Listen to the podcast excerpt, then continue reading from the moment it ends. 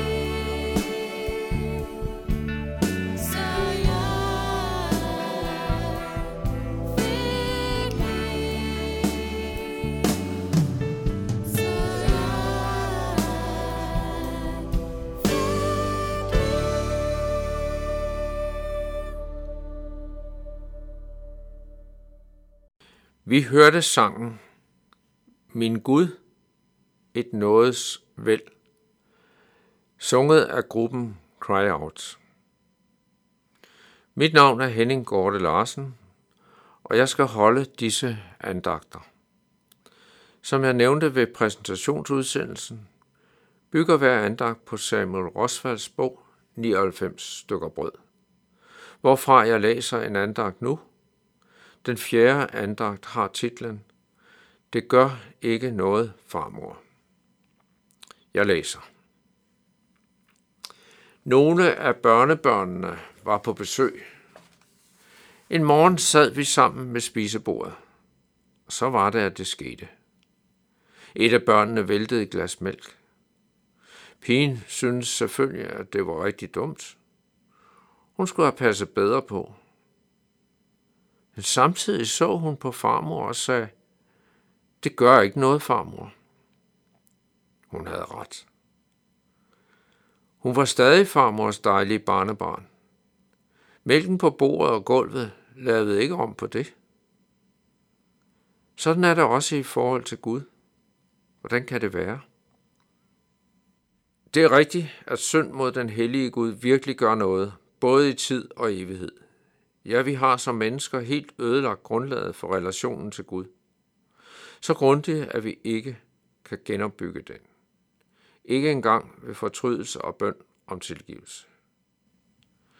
Men med Jesus har vi fået en ny begyndelse. Et nyt grundlag for fællesskab. Den nye begrundelse hedder Jesus. Han, som blev sendt for vores ulydighed, skulle miste sin magt til at holde os bort fra Gud. Og den, som bliver et med ham, bliver samtidig en del af Gud noget. Jamen, kan man så ikke bare fortsætte med at synde? Om det siger apostlen Johannes, og jeg citerer fra 1. Johannes 2, 1. Mine børn, dette skriver jeg til jer, for I ikke skal synde. Hvis nogen sønder, har vi en talsmand hos faderen, Jesus Kristus, den retfærdige. Citat slut. Formålet med dette nye forhold til Gud er altså, at jeg ikke længere skal synde. Men synder jeg, holder jeg ikke op med at være barn af Gud. For Jesus er ikke alene min frelser, men også min syndfrie forsvar hos Gud, så jeg kan blive bevaret hos ham.